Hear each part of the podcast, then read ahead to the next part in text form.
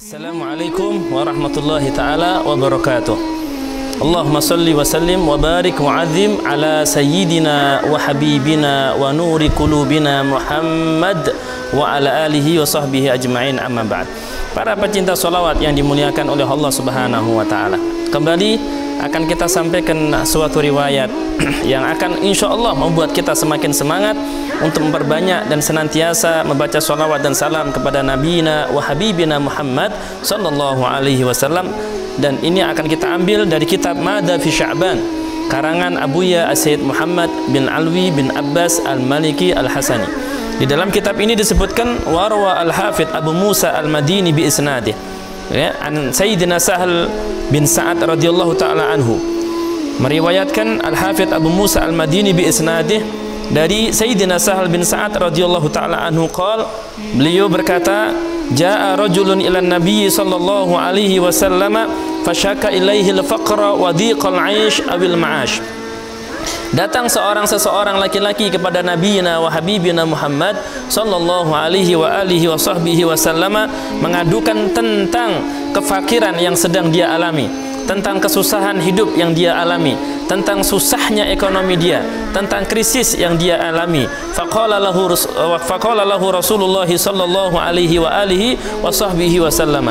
Ketika laki-laki ini mengadukan tentang uh, masalah urusan kefakiran, uh, kemiskinan, susahnya rizki, susahnya ekonomi, krisis yang sedang dia yang sedang melanda dia, Rasul sallallahu alaihi wasallam ngasih amalan kepada orang ini ya ngasih amalan. Jadi Rasulullah itu kebiasaannya kalau ada sahabat mengadukan curhat kadang nanti kasih solusi kadang dikasih amalan seperti ini Masya Allah.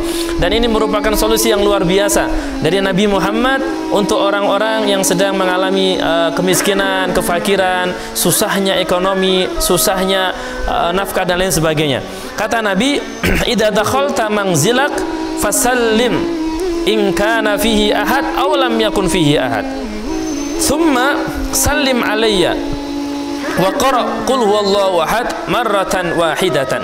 Ya, kata Nabi, dengarkan baik-baik kata Nabi, kalau engkau setiap engkau masuk rumah, setiap engkau masuk rumahmu, setiap engkau masuk ke dalam rumah, maka jangan lupa salam ucapkan salam kepada siapa pun yang ada di uh, ucapkan salam. Baik di dalam itu ada rumah, ada orang, di dalam rumah itu ada orang atau enggak ada orang. Kata Nabi, ketika engkau masuk ke dalam rumah jangan lupa salam. Baik di situ ada orang atau enggak ada orang. Kemudian yang kedua salam kepadaku. Ya assalamu ayuhan nabiyyu wa rahmatullahi taala wa barakatuh. Kemudian yang ketiga membaca qul huwallahu ahad allahus samad lam yalid wa lam yulad wa lam yakul lahu kufuwan ahad. Akhirnya diamalkan oleh laki-laki ini fa fa'ala rajul. Ya fa adarallahu alaihi rizqa hatta afada ala jiranihi wa qarabatihi Akhirnya laki-laki ini mengamalkan apa yang disampaikan oleh Nabi. Jadi kata Nabi setiap masuk rumah disuruh mengamalkan tiga amalan. Yang pertama salam, baik itu ada orang atau enggak ada orang. Assalamualaikum. Ada orang atau enggak ada orang. Yang kedua baca salam kepada Nabi Muhammad.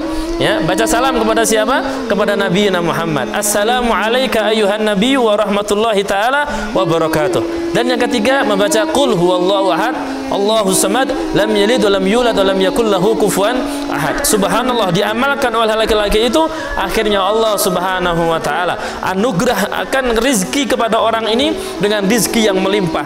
Saking melimpahnya yang dulu ini orang miskin, yang dulu ini orang susah, yang dulu ini orang adalah orang yang mengalami suatu krisis, mengalami kesusahan dalam urusan rizki. Sekarang sahabat tersebut itu Allah kasih kemudahan, rizki yang luar biasa sehingga bukan hanya dia yang dapat rezeki yang banyak luar biasanya tapi dia bisa berbagi kepada tetangga-tetangganya dan kepada para saudara atau kerabat-kerabatnya para pecinta solawat yang dimuliakan oleh Allah subhanahu wa ta'ala sekali salam yang kita ucapkan kepada Nabi ketika masuk rumah ternyata itu bisa menjadi sebab Allah subhanahu wa ta'ala akan kasih kemudahan rezeki kepada kita semuanya. Maka dari itu ayo mulai sekarang amalkan yang apa yang diajarkan oleh Nabi ini. Amalkan apa yang diajarkan oleh Nabi. Ini langsung datang dari Nabi Muhammad sallallahu alaihi wa alihi wa sahbihi wasallam. Kalau bisa kita istri anak dan semua keluarga kita jangan pernah masuk rumah kecuali sudah membaca tiga perkara tadi. Diingat-ingat? Yang pertama salam. Baik ada orang atau enggak ada orang. Dengan lafaz assalamualaikum. Ya. Yang kedua salam kepada Nabi Muhammad. Dengan sekat bagaimana? Assalamu alayka ayuhan nabiyyu wa rahmatullahi taala wa. Assalamu alayka ayuhan nabiyyu wa rahmatullahi wa. Dan yang ketiga membaca qul huwallahu ahad sampai selesai. Sekali semuanya kita amalkan insyaallah maka Allah Subhanahu wa taala akan kasih kita kemudahan dalam urusan rezeki. Semoga Allah mudahkan kita semuanya untuk senantiasa memperbanyak baca solawat, memperbanyak baca salam kepada kekasih kita Nabi Muhammad sallallahu alaihi wa alihi wa sahbihi sehingga Allah Subhanahu wa taala kasih kemudahan kita dalam semua urusan. Allah kasih kemudahan untuk segala urusan kita. Walaupun kita hanya membaca salam kepada Nabi sekali ketika masuk rumah, tapi itu sungguh luar biasa faedahnya apalagi kalau kita mau memperbanyak solawat dan salam kepada beliau di waktu-waktu kosong kita. Semoga ini semua bermanfaat bagi kita semuanya sehingga kita menjadi para pecinta solawat yang luar biasa solawatnya yang banyak solawatnya yang semangat solawatnya Allahumma salli ala Sayyidina Muhammad